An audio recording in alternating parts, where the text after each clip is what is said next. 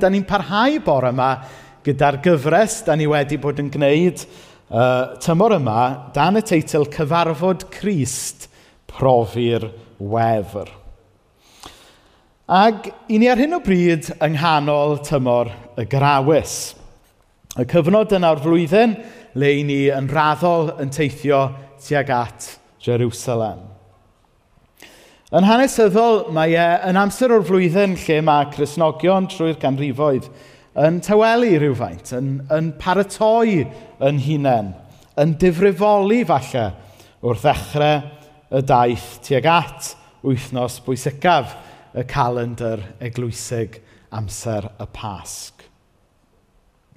Nawr ddwy flynedd yn ôl, mi oedd tymor y grawys yn wahanol iawn, yn doedd e, oherwydd bod y pandemig yn sgubo trwy y byd ac yn troi yn bywydau ni ben i weired. Ac oedd e'n teimlo yn amser trwm iawn yn doedd ddwy flynedd yn ôl. Ond eleni, mae tymor y grawys yn teimlo'n drwm iawn uh, am resymau gwahanol falle. Oherwydd, uh, yn bod ni yn byw drwy gyfnod le mae yna rhyfel trist a difrifol iawn ar gyfandir Ewrop am y tro cyntaf ers sawl cenhedlaeth. Heddiw, wrth glywed enwau llefydd fel Dynipro, Donesg, Carcif, Odessa, Cif, maen nhw'n enwau rhai ohonyn nhw'n ddinasoedd, y rhai ohonyn ni falle heb glywed amdanyn nhw rai wythnosau yn ôl. Ond maen nhw'n enwau nawr sy'n dod â delweddau anodd a trist i ni'n dydyn o ryfela a dioddefaint. Ac felly gyda colonnau trwm falle i ni yn paratoi yn hunain tuag at y pasg unwaith eto eleni. Os da ni yn zoomio allan rhywfaint ac edrych ar lwybr hanes, wrth feddwl am wledydd fel Rwanda, wrth glywed enwau fel Auschwitz, da ni gyd yn meddwl, dydan, am bethau trist, am ddioddefaint, am hiladdiad sydd wedi digwydd yn y byd. Wedyn falle bod ni'n meddwl am lefydd fel Dunblane. Ybo? Neu enwau falle, fel Harold Shipman. A mae rhyw ias oer yn mynd lawr yn cefn ni'n does, yn meddwl am y dioddefaint sy'n digwydd yn y byd. Mae'r rhyfel sy'n digwydd ar hyn o bryd a gwahanol bethau sy'n digwydd yn hanes. Gwahanol brofiadau falle mae rhai ohono ni yn wynebu ar hyn o bryd.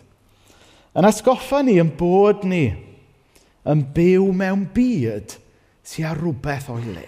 Da ni'n byw mewn byd ydydan sy'n wedi syrthio oddi ar i echel mewn ffordd real iawn. Weithiau, da ni'n cael yn asgoffa hyn wrth weld chi ni ar y teledu – Ond yn aml, da ni'n gwybod hynna oherwydd profiadau anodd da ni yn hunain falle yn ei brofi. Oedd ffrind i fi Meirion Morris yn weinidog yn y de. Oedd e'n dweud fod e'n sgwennu rhai pregethau yn Comic Sans, ond rhai pregethau yn Times New Roman. Ac ar ôl ambell i bregeth Comic Sans, falle mai pregeth Times New Roman yw hwn heddiw. Ond weithiau mae angen dywrofoli yn does. Mae angen i ni fel Cresnogion siarad yn real efo y dioddefaint a'r drygioni da ni'n ei wynebu mewn bywyd. Achos wrth weld rhai o'r pethau anodd yma, wrth brofi rhai o'r pethau yma, y cwestiwn mae llawer yn gofyn ydy ble mae Dyw? Ble mae Dyw yng nghanol y dioddefaint yma? A fel Cresnogion, falle bod ni hefyd wedi gofyn y cwestiwn, lle wyt ti ddew pa mae dioddefaint yn dod i'n rhan ni. Falle yn bod ni wedi gofyn, wel os ydy Dyw yn ddew cariad, pam fod pethau gwael fel hyn yn parhau i ddigwydd? Wel, fel o'n i'n dweud, i ni'n hanol cyfres cyfarfod Crist profi'r wefr. A heddiw, dwi eisiau ni ddifrifoli wrth i ni ystyried weithiau i ni'n gallu cyfarfod Christ a profi i wefr mewn dagrau. A ni'n mynd i wneud hynny drwy edrych ar hanes Lazarus yn y Beibl. Felly mae'r darlleniad bore yma, um, Sean, os wneud i glicio nôl i ni, yn dod um, o Iwan penod 11, dechrau darllen yn adnod 32. Pan gyrhaeddodd Mair lle roedd Iesu a'i weld, syrthiodd wrth ei draed a dweud, Arglwydd, tasau ti wedi bod yma, fyddai fy mrawd ddim wedi marw. Wrth ei gweld hi'n wylofain yn uchel, a'r bobl o Judea oedd yno'n wylofain gyda hi, cynhyrfodd Iesu drwyddo ac roedd yn ddig. Gofynodd, ble dych chi wedi gladdu? Tyr di weld arglwydd, meddyn nhw roedd Iesu yn ei ddagrau. Edrychwch gymaint roedd yn ei garu, meddai'r bobl oedd yno. Ond roedd rhai yn dweud, o'n i allai hwn, roedd ei olwg i'r dyn dall yna, gadw Lazarus yn fyw. Roedd Iesu'n dal wedi cynhyrfu pan ddaeth at y bedd. O gofoedd y bedd, a chareg wedi osod drosto. Symudwch y gareg, meddai, Ond dyma Martha, chwaer y dyn oedd wedi marw, yn dweud, arglwydd, bydd yn drewi bellach. Mae wedi gladdu ers pedwar diwrnod. Meddai Iesu wrthi, wnes i ddim dweud wrtho ti y cei di weld mor wych ydy Dyw. Dim ond i ti gredu. Felly dyma nhw'n symud y gareg yn edrychodd Iesu fyny a dweud, Dad, diolch i ti am wrando arna i. Dwi fy hun yn gwybod dy fod ti'n gwrando arna i bob amser, ond dwi'n dweud hyn er mwyn y bobl sy'n sefyll o gwmpas, iddyn nhw gredu mai ti sydd wedi... Um, lle dwi'n ar? Uh, fy anfon i. Sorry, maen nhw di adeg i colli llinell gyda'i ymlaen i fydden. Ar ôl dweud hyn, dyma Iesu'n gweiddi'n uchel, Lazarus, tyrd allan. Felly Lazarus. Oedd Lazarus yn frawd i Mair a Martha, rhai o ddilynwyr Iesu. Buodd Lazarus yn sal ac fe fiodd e farw. A pan fiodd Lazarus farw, oedd Iesu ddim o gwmpas. Bedwar diwrnod wedyn, dyma Iesu yn cyrraedd, a peth cyntaf nath Mair ddweud wrth Iesu oedd, arglwydd, tas e ti wedi bod yma, Fydde fy mrawd i ddim wedi marw. O arall eirio geiriau mair. Ddew, ble oeddet ti?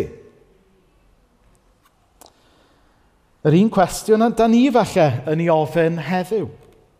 Yr un cwestiwn mae llawer o bobl yn Ukraine yn gofyn heddiw falle wrth weld y dioddefaint a'r drygioni. A nes ymlaen, mae'r dyrfa'n awgrymu rhywbeth tebyg. Mae'n dweud yn adnod 36 a 37. Edrychwch gymaint oedd yn ei garu, meddai'r bobl oedd yno. Ond roedd rhai ohonyn nhw'n dweud, o'n i achau hwn roddodd ei olwg i'r dyn dall yna gadw Lazarus yn fyw. Mewn geiriau eraill, os wyt ti'n ddew mor dda hynny, pam wyt ti'n di cadw Lazarus yn fyw? Nawr, yn y byd ni heddiw, mae'r mae cwestiynau yma, y cwestiynau ungol yma, yr angst yma, yn gwestiynau cyffredin yn dydy. Yn gwestiynau mae pobl yn gofyn, yn gwestiynau da ni fel Cresnogion hyd yn oed yn gofyn weithiau pan da ni'n mynd drwy bethau anodd. Nawr mae lot o bobl yn credu mai y broblem ydy Dyw. Mae crefydd a Dyw yw y broblem tu ôl yr holl ddioddefaint yn y byd ni heddiw, yn arbennig wrth feddwl am ryfeloedd. Mae pobl yn dweud, wel, heb grefydd, byddai'r byd yma'n llawer gwell a byddai dim rhyfeloedd i gael. Meddyliwch am yr diwinydd mawr, John Lennon, yn dweud, Imagine there's no countries. It isn't hard to do, nothing to kill or die for, and no religion too. Imagine all the people living life in peace. Dyna'n pobl yn meddwl yn de, mae, mae dew a crefydd sydd tu ôl pob rhyfel. Nawr, mae'n bwysig i ni fel Cresnogion fod yn real a sylwi bod rhyfel yn aml yn digwydd yn enw crefydd ac yn enw Dyw. Ac i ddweud y gwir, mae yna ma bobl wedi gwneud pethau ofnadwy yn enw Dyw yn does. A mae'n bwysig bod ni fel Cresnogion yn, yn real ynglyn â hynny. Ond jyst achos bod rhywbeth yn digwydd yn enw Dyw, dyw e ddim yn golygu bod e gan Dduw. Oherwydd bod enw Dyw yn arbennig enw Iesu'n enw mor bwerus, Mae pobl trwy hanes wedi camdrin enw Dyw, wedi camddefnyddio enw Iesu er mwyn cyfiawnhau pethau erchyll. Fe wnaethon ni weld hynna hyd yn oed wythnos yma. Yn dros y dyddiau diwethaf, felly bod rhai ohonoch chi wedi gweld bod Vladimir Putin wedi cynnal rhyw rali fawr i, i gael pobl Rwsia i gefnogi y rhyfel. Ac yn y rali yma, o flaen degau o filoedd o bobl, mae'n dyfynnu'r adnod um, bod dim arwydd mwy o gariad na bod rhywun wedi rhoi i fywyd i lawr dros eraill. Ond wrth gwrs, be oedd Putin ddim yn dweud yw, nid dweud y geiriau yna ar y ffordd i ryfel, nath Iesu.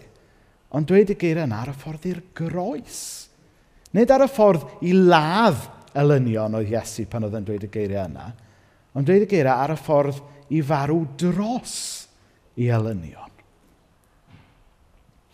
Ac yn ystadegol, dydy e ddim yn wir i ddeud fod rhan fwyaf o ryfeloedd y byd wedi creu gan grefydd. Yn ôl arbenigwyr, mae 93% o ryfeloedd y byd ddim byd i wneud â chrefydd. Mae mwy o bobl wedi marw dan orthrwm arweinwyr um, digrefydd, fel arweinwyr ffasgaidd, arweinwyr comunyddol.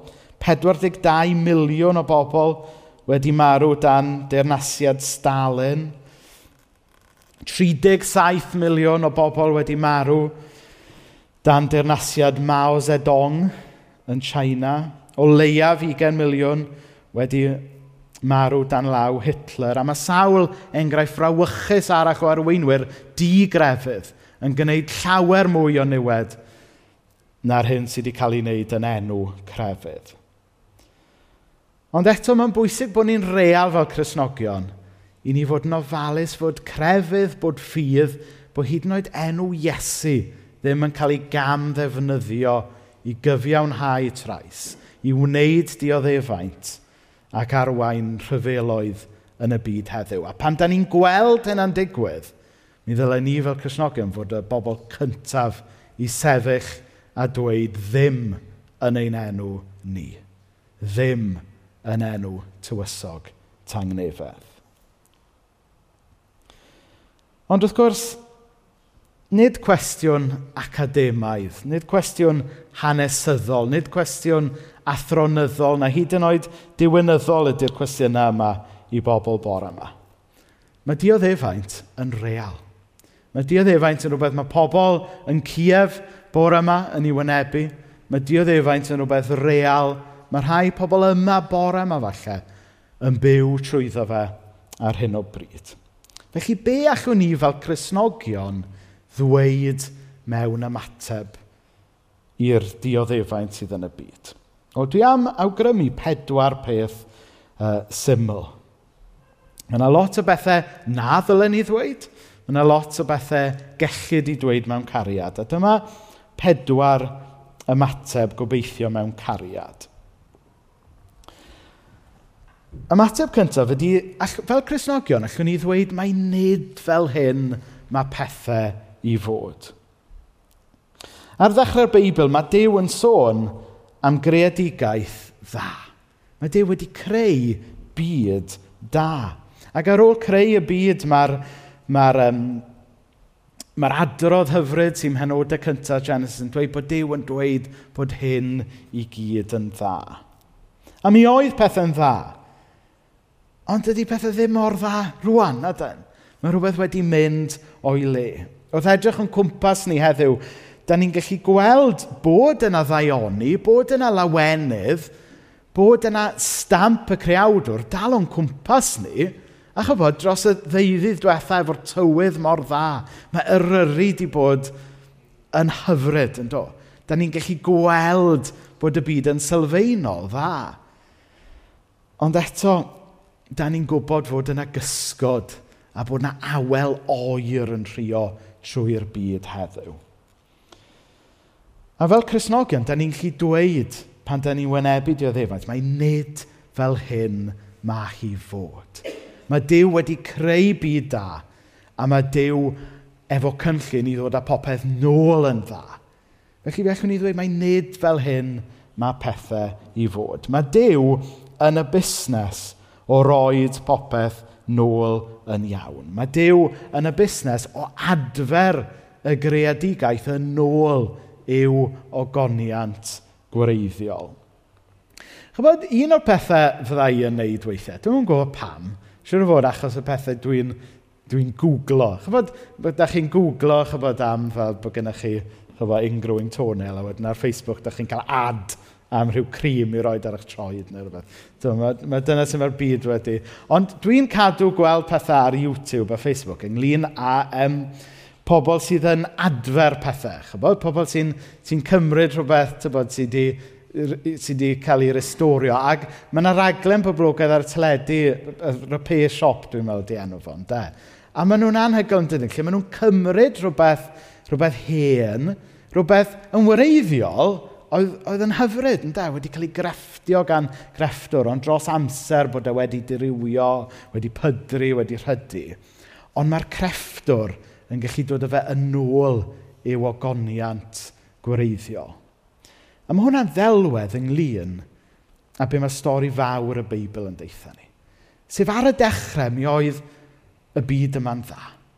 Mi oedd Dyw wedi creu byd hardd a phrydferth, ond oherwydd be mae'r Beibl yn galw'n bechod, mae yna ddirywiad wedi bod. Mae yna lygredd wedi dod mewn i'r byd. Yn gyffredinol, a mae'r llygredd yna wedi dod mewn i'n calonau ni hefyd, yn dod. Dyna pam yn bod ni'n fel ydan ni yn aml. Ond y newyddion da yw fod yna... Di hwn ddim yn y nodiadau, felly dyna pam bod yna syndod bach yn cheesy Dyna pam bod yna repair shop tragwyddo. Mae'n diw ni yn y busnes o roed popeth nôl yn iawn. A dyna pam bod Dyw wedi danfon i fab, fel dwi wedi deud o'r blaen, nid fel banker, nid fel cyfreithiwr, ond mae wedi danfon i fab fel meddyg da. I achau calonau brywiedig, i achau byd brywiedig. So dyna'r peth cyntaf. Llwn ni ddweud mai nid fel hyn mae pethau fod. Yr ail beth yw fod Dyw ddim yn edrych i ffwrdd pa mae'n gweld ni yn dioddef. Dydy Dyw ddim jyst yn anwybyddu problem. Chyfo, da ni'n rhaid da am wneud hynny'n dydyn. Chyfo, os da ni'n wynebu rhywbeth anodd neu'n ni wynebu rhyw broblem, da ni'n aml yn yn brwsio fe dan y carpet, fel da ni'n dweud. Neu da ni'n rhoi rhywbeth off os yw yn rhywbeth anodd i ddelio gyda fe. Chybod pethau dydd i ddydd fel rhyw jobsys o gwmpas y tŷ.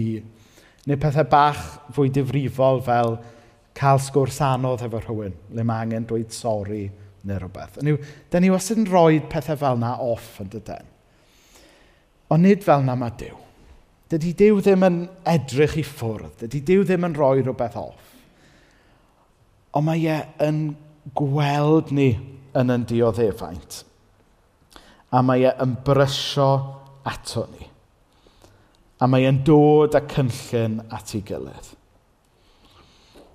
Mae Dyw yn gweld ni yn yn dioddefaint.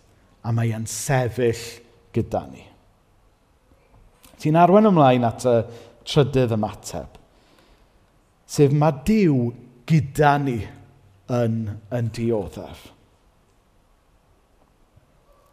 Yn hanes Lazarus, mae chwiorydd Lazarus yn naturiol yn flin efo Iesu i ddechrau, am beidio bod o gwmpas i ddechrau.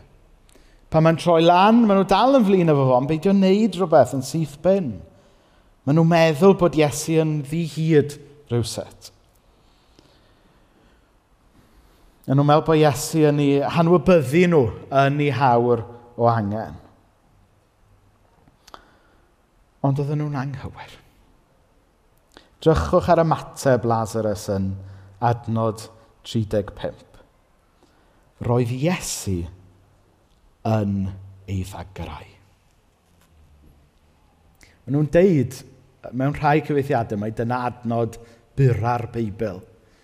Ond eto, a rywyd yn adnod mwy mwyaf profound y Beibl hefyd ynddo. Roedd Iesu yn ei ddagrau. Iesu y diw ddyn, diw yn ei ddagrau gyda'i bobl. Dydy hwn ddim yn ymddangos fel diw di hyd. Dydy hwn ddim yn ymddangos yn ddiw pell, out of touch. Mae hwn yn ddiw agos.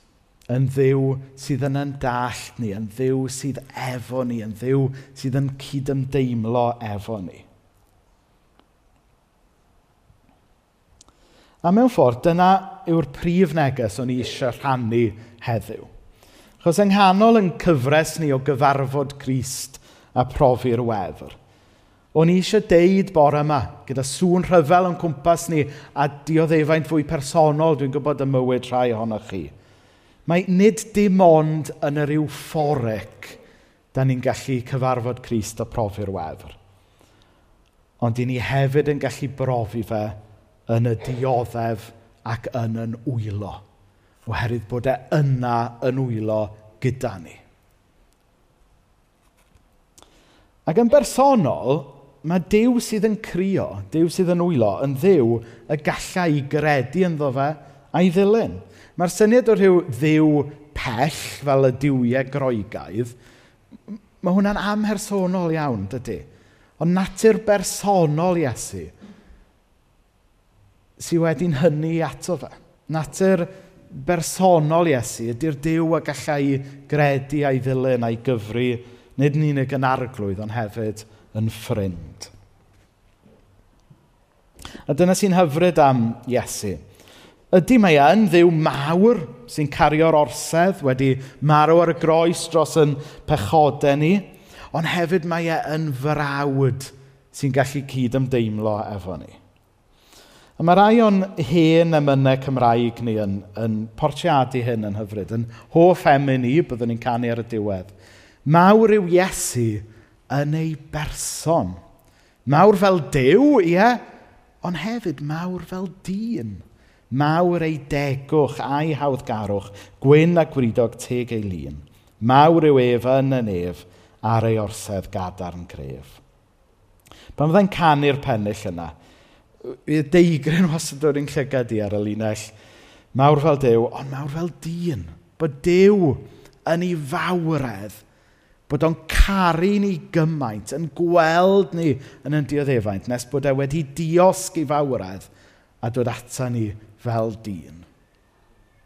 Nawr wythnos yma, um, falle bod chi wedi gweld um, ar y teledu fod rhai o uh, arlywyddion um, Ewrop, dwi'n yn cofio o ba wledydd, dwi'n meddwl oedd arlywydd uh, pwyl, uh, gwlad pwyl yn un ohonyn nhw, wedi teithio i Ciev mewn wedi, chyfod, diosg i mawredd fel arlywyddion, wedi gwisgo jeans a jumper, wedi teithio ar dren efo pobl cyffredin, ddim wedi cael yr, y prestige arferol sy'n dod gyda bod yn arlywydd, ond bod nhw wedi mynd fel pobl cyffredin er mwyn cyrraedd canol y rhyfel a dangos bod nhw'n sefyll efo arlywydd Ciev yng nghanol i dioddefaint nhw.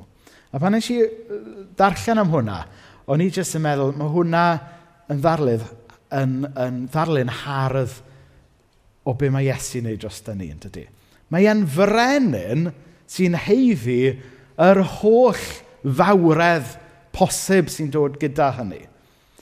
Ond mae e wedi dewis dod fel person cyffredin mewn i'r byd toredig yma, achos bod e'n yn caru ni, ac achos bod e eisiau torchi i lewis er mwyn dechrau'r gwaith o adfer y greadigaeth yn ôl i'w fwriad gwreiddiol. A wedyn yr, um, yr ail bennill hefyd, Anne Griffiths yn dweud, mae'n ddyn i gyd ymdeimlo, a holl bendidau i gyd. Mae'n ddiw i gario'r orsedd ar ddiafol cnawd a byd. A wedyn yn ola bore yma, y, y pedwerydd peth allwn ni ddweud yn wyneb dioddefaint. Bod Dyw yn addo sychu pob deigryn. Yn yr hanes yma efo Lazarus, mae'n gorffen gyda Iesu yn dod â bywyd yn ôl i Lazarus. Mae gwirth yn cymryd lle. Dyma Iesu yn gweiddi'n uchel, Lazarus tyrd allan, a dyma'r dyn oedd wedi marw'n dod allan. Roedd ei freichiau goesau wedi'i rhwymo gyda strybedi o liain, ac roedd cadach am ei wyneb. Tynnwch nhw i ffwrdd, meddai Iesu, a'i ochwn yn rhydd. Ar ôl wylo, mae Iesu yn gwneud rhywbeth am y peth.